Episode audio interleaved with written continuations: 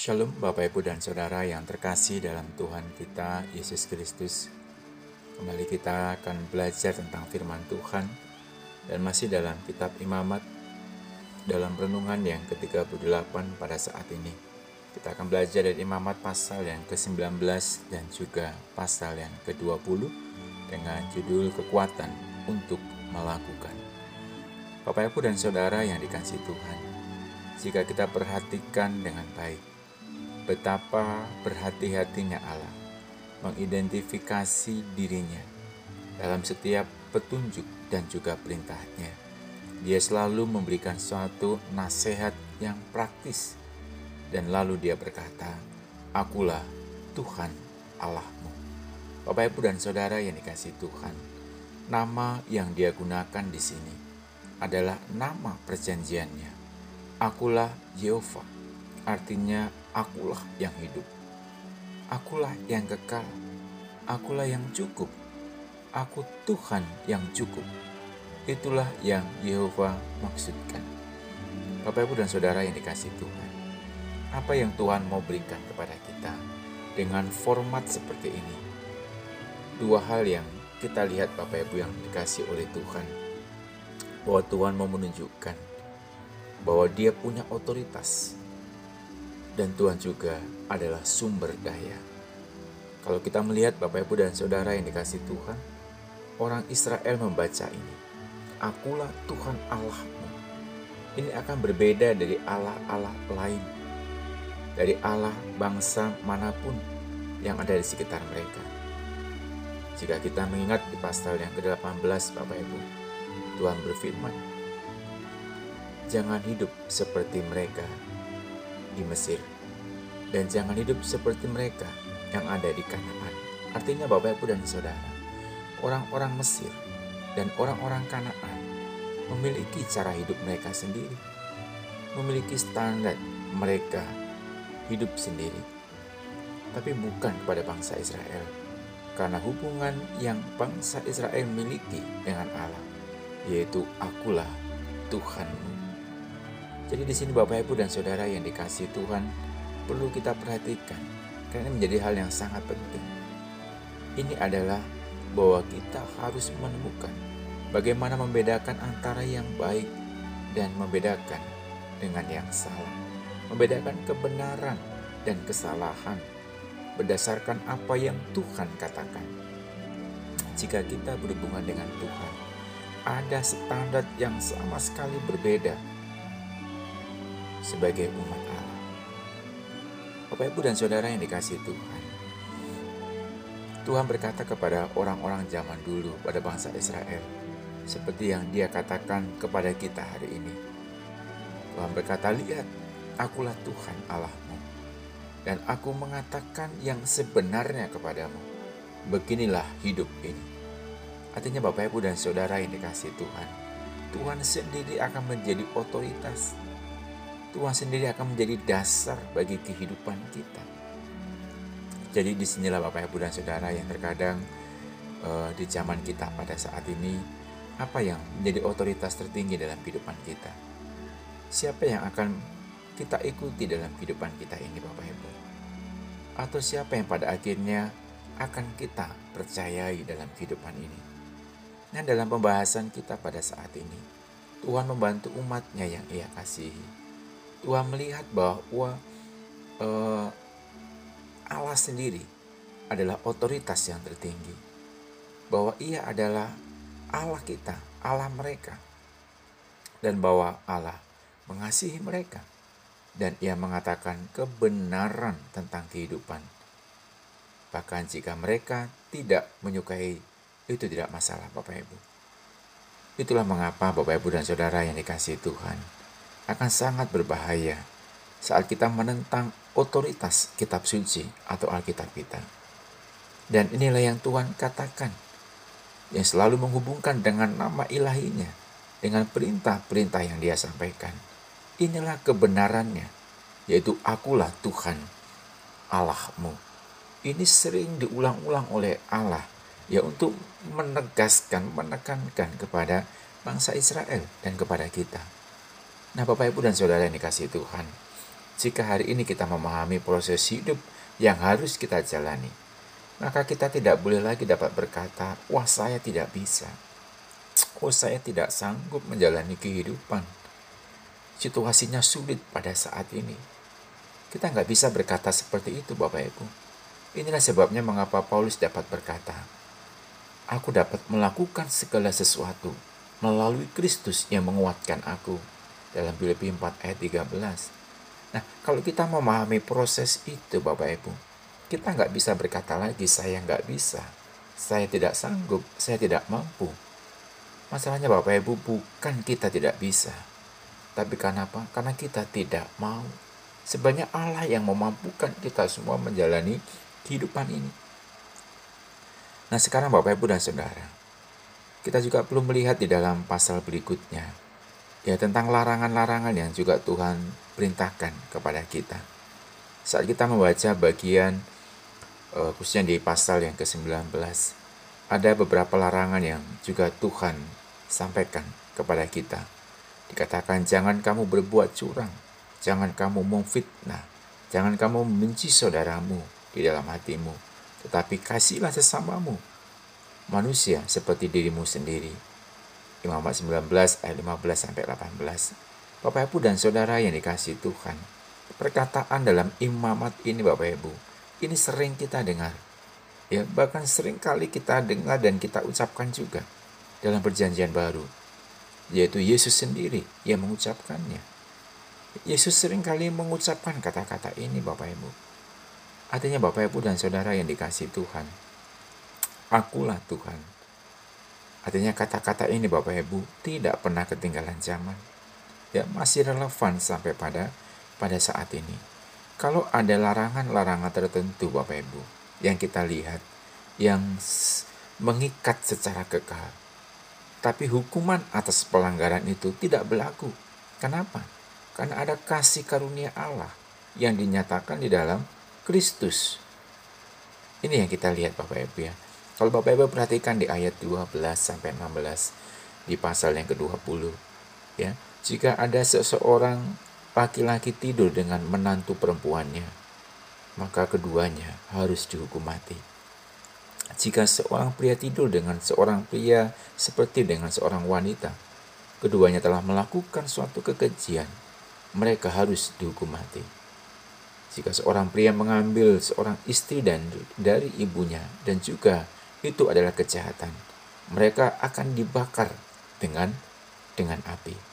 Bapak Ibu dan Saudara yang kasih Tuhan, karena kasih karunia Allah, hukuman itu sekarang sudah tidak tidak diberlakukan lagi Bapak Ibu. Karena apa? Karena Allah dalam Yesus mengasihi kita semua. Kita juga melihat larangan-larangan yang lain di dalam pasal yang ke-19. Dikatakan di situ eh, kita tidak boleh makan daging yang masih ada darahnya. Tentu Bapak Ibu dan Saudara kita masih ingat pelajaran yang kemarin ya. Karena dalam darah itu ada kehidupan. Ya dan darah atau daging itu adalah kehidupan milik milik Allah. Dan kita masih ingat apa yang Tuhan ingin umatnya ajarkan kepadanya tentang hal ini.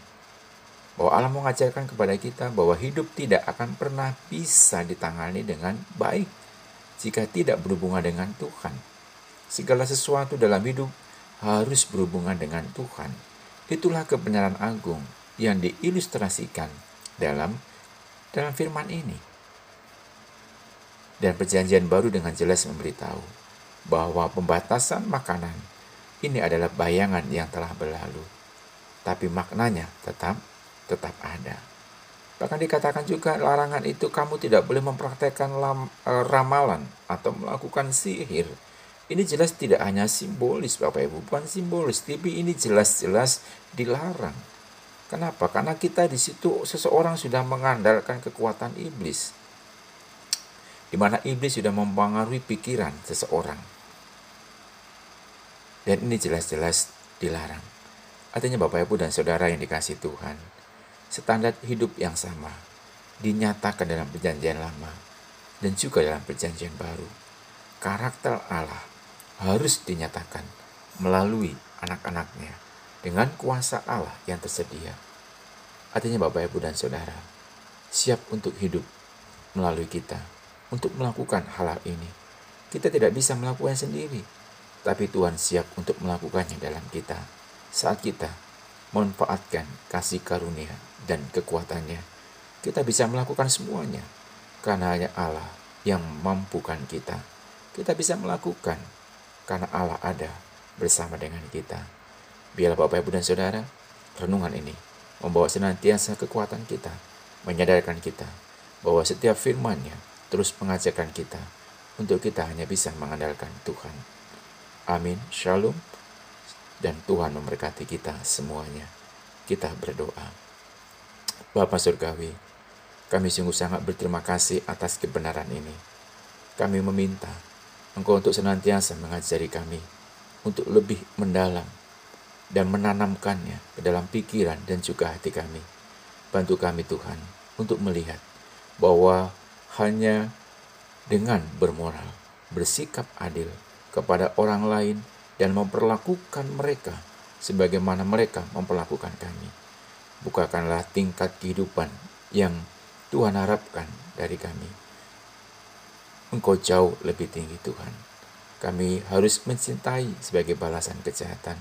Kami tidak dapat melakukannya hanya dengan kasih karunia yang ada dalam Engkau. Tuhan Yesus, bantu kami untuk menaatimu dalam hal dan berharap melihat hidupmu bekerja dalam kami. Kami mohon atasmu. Amin. Shalom, Tuhan memberkati kita semua. Shalom Bapak Ibu dan Saudara, kembali kita bertemu dalam renungan kita uh, masih dalam kitab Imamat dan kita akan belajar bersama dari pasal 21 dan juga pasal 22 tentang gratis untuk melayani. Bapak Ibu, saya berharap kita tidak bosan dalam membaca kitab Imamat karena ada satu pengajaran Allah yang saya pikir sangat luar biasa. Dan khususnya di pasal 21 dan 22 bahwa katakan kita semua sebagai orang Kristen, orang percaya adalah imam. Hanya masalahnya Bapak Ibu dan Saudara yang dikasih Tuhan, eh, seberapa baik kita sebagai imam seberapa besar kita menikmati pelayanan yang diberikan kepada kita, atau seberapa efektif kita melayani Tuhan dan bergantung kepadanya. Bapak, Ibu, dan Saudara yang dikasih Tuhan, di dalam ayat 6 pasal 21, dikatakan tentang pelayanan seorang imam. Dikatakan mereka harus menjadi kudus bagi Allah dan tidak mencemarkan nama Allah, karena mereka mempersembahkan korban api-apian kepada Tuhan roti Allah mereka. Oleh karena itu mereka akan menjadi kudus. Nah Bapak Ibu yang dikasih Tuhan, para imam melakukan dua hal. Mereka mempersembahkan korban dan mereka mempersembahkan roti, roti sajian di hadapan Allah di dalam tabernakel. Ini secara langsung dapat diterapkan pada kita sangat signifikan Bapak Ibu. Karena kita memiliki pelayanan yang persis di tingkat spiritual. Seperti yang kita pelajari dalam perjanjian baru. Artinya praktek-praktek orang Lewi. Ini adalah bayangan, gambar, simbol yang berbicara tentang pelayanan kita sendiri. Mempersembahkan persembahan berarti berurusan dengan akibat kematian Yesus. Hewan kurban itu melambangkan kematian Tuhan Yesus setiap domba, setiap anak lembu, setiap kambing yang disembelih dalam perjanjian lama adalah gambaran dari pekerjaan Kristus di atas kayu salib dalam menyerahkan nyawanya. Nah Bapak Ibu dan Saudara yang dikasih Tuhan, para imam juga mempersembahkan roti. Mereka sendiri harus makan roti dari roti sajian. Roti yang dipanggang di kemah dan mereka harus mempersembahkan di hadapan Allah bersama dengan persembahan binatang. Roti berbicara tentang kekuatan dalam kehidupan. Ini adalah gambaran yang indah. Seperti yang kita telah lihat Bapak Ibu tentang memberi makan pada kehidupan yang tersedia dari Tuhan yang bangkit mengambil darinya kekuatan yang kita butuhkan untuk bersabar, untuk ceria, untuk bergembira, untuk menjadi tenang, untuk menjadi sabar, penuh kasih, dan bijaksana.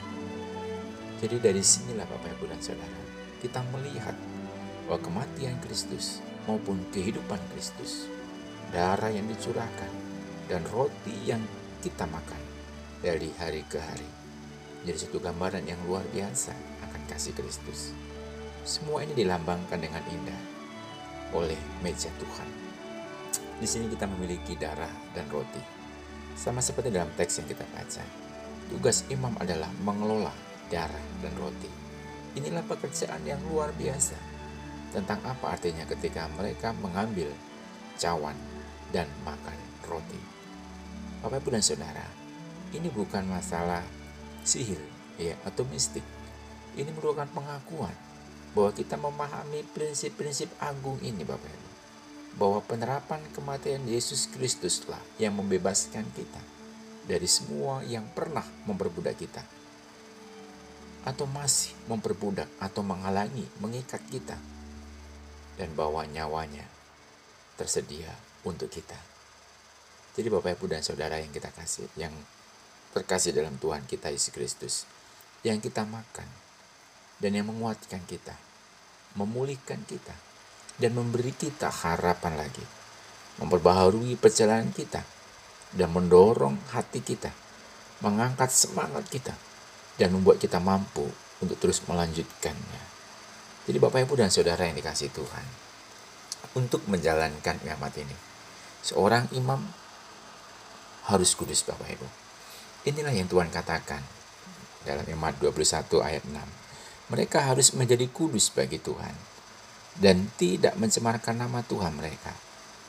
Artinya Bapak Ibu dan Saudara, dalam pasal yang kita bahas ini, kita melihat tentang keutuhan imam. Agar mereka dapat mengambil bagian dalam kegembiraan dalam pelayanan. Meskipun mereka adalah imam sejak lahir, mereka dapat menjalankan pelayanan mereka hanya dengan memenuhi standar atau kualifikasi yang ditentukan oleh Tuhan.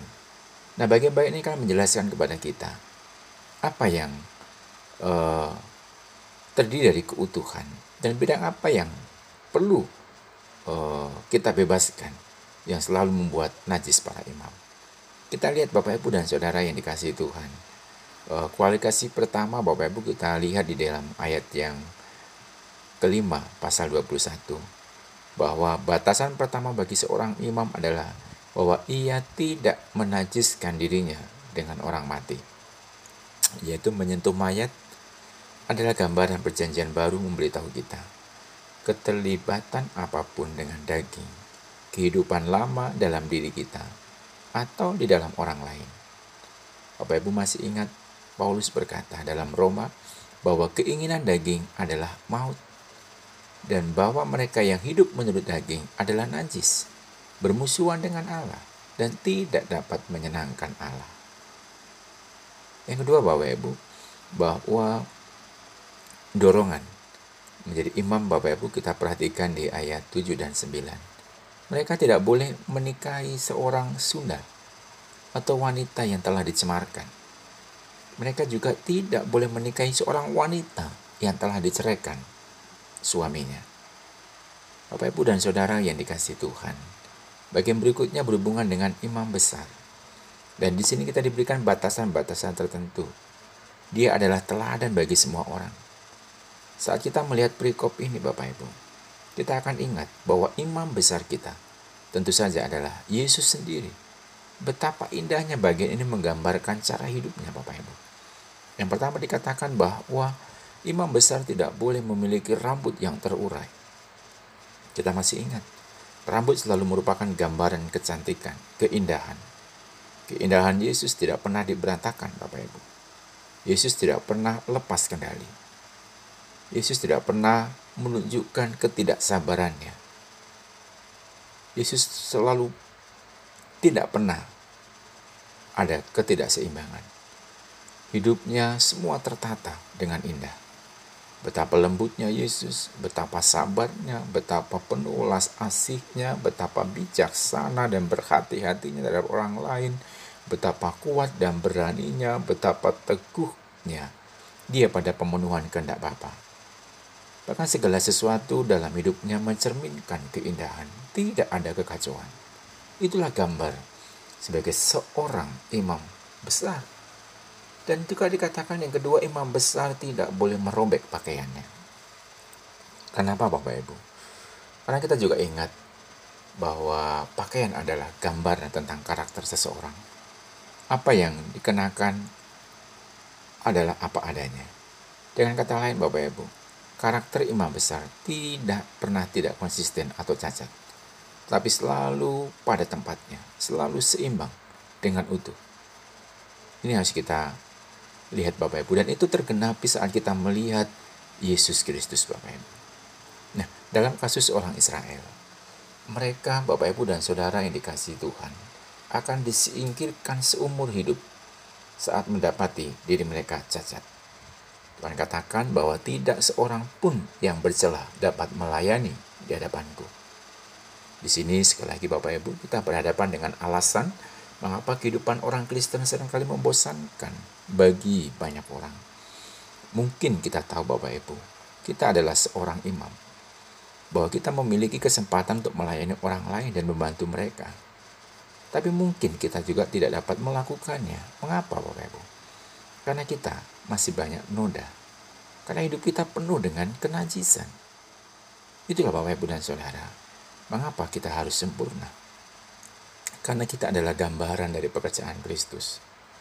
Pemahaman dan presentasi kita tentang kematian dan keefektifan kehidupan Yesus harus jelas dan tidak harus sulit kita memahaminya. Kita harus memahami fakta-fakta ini dengan sangat jelas dan menerangkannya atau menerapkannya dengan benar. Nah, Bapak Ibu dan Saudara yang kasih Tuhan, dalam pasal ini kita melihat betapa kata-kata yang indah dalam mengakhirinya. Dikatakan bahwa maka kamu harus menuruti perintahku dan melakukannya. Akulah Tuhan. Dan kamu tidak akan mencemarkan namaku yang kudus. Tapi akan dikuduskan di antara orang Israel. Akulah Tuhan yang menguduskan kamu yang membawa kamu keluar dari tanah Mesir menjadi Allahmu. Akulah Tuhan. Artinya Bapak Ibu dan Saudara, betapa lembutnya kasih sayang yang terkandung dalam ayat-ayat yang tadi saya bacakan. Akulah Tuhan. Kata yang membawa keluar atau yang membawa keluar dari perbudakan. Akulah Tuhan yang membebaskanmu. Aku Tuhan yang ingin menyembuhkanmu. Aku Tuhan yang membawamu ke tanah yang berlimpah dan menjanjikanmu kegembiraan. Akulah Tuhan yang akan memberkati dan engkau berbuah. Dan akulah Tuhan yang akan terus membawa engkau berharga. Dan akulah Tuhan yang menjadi Allahmu. Artinya Bapak Ibu dan Saudara yang kasih Tuhan. Hal ini mengajari bagaimana kita menjadi berharga di hadapan Tuhan Hal ini kita melihat Bapak Ibu dan Saudara yang dikasih Tuhan. Betapa kekuatan Allah sangat luar biasa dalam alam semesta. Betapa Allah yang luar biasa itu menyembuhkan kita, melayakkan kita untuk kita boleh melayaninya. Kita dijadikannya sembuh Bapak Ibu. Kita dijadikannya tidak ternoda. Dan kita dijadikannya untuk bisa melayaninya. Saya pikir sungguh suatu pernyataan yang sangat luar biasa. Pernyataan kelembutan yang penuh kasih sayang untuk menjangkau kita semuanya. Agar kita boleh melayaninya. Kita yang sebenarnya tidak layak Bapak Ibu. Tapi karena kasih karunia Allah, kita dilayakkannya untuk melayani. Amin. Biarlah firman ini Bapak Ibu menjadi kekuatan bagi kita dan juga terus menjadi pengajaran bagi kita untuk kita boleh semakin mengerti akan kebenaran-kebenaran firman-Nya yang terus menjadi pelajaran bagi kita semuanya. Amin. Shalom dan Tuhan memberkati kita semuanya.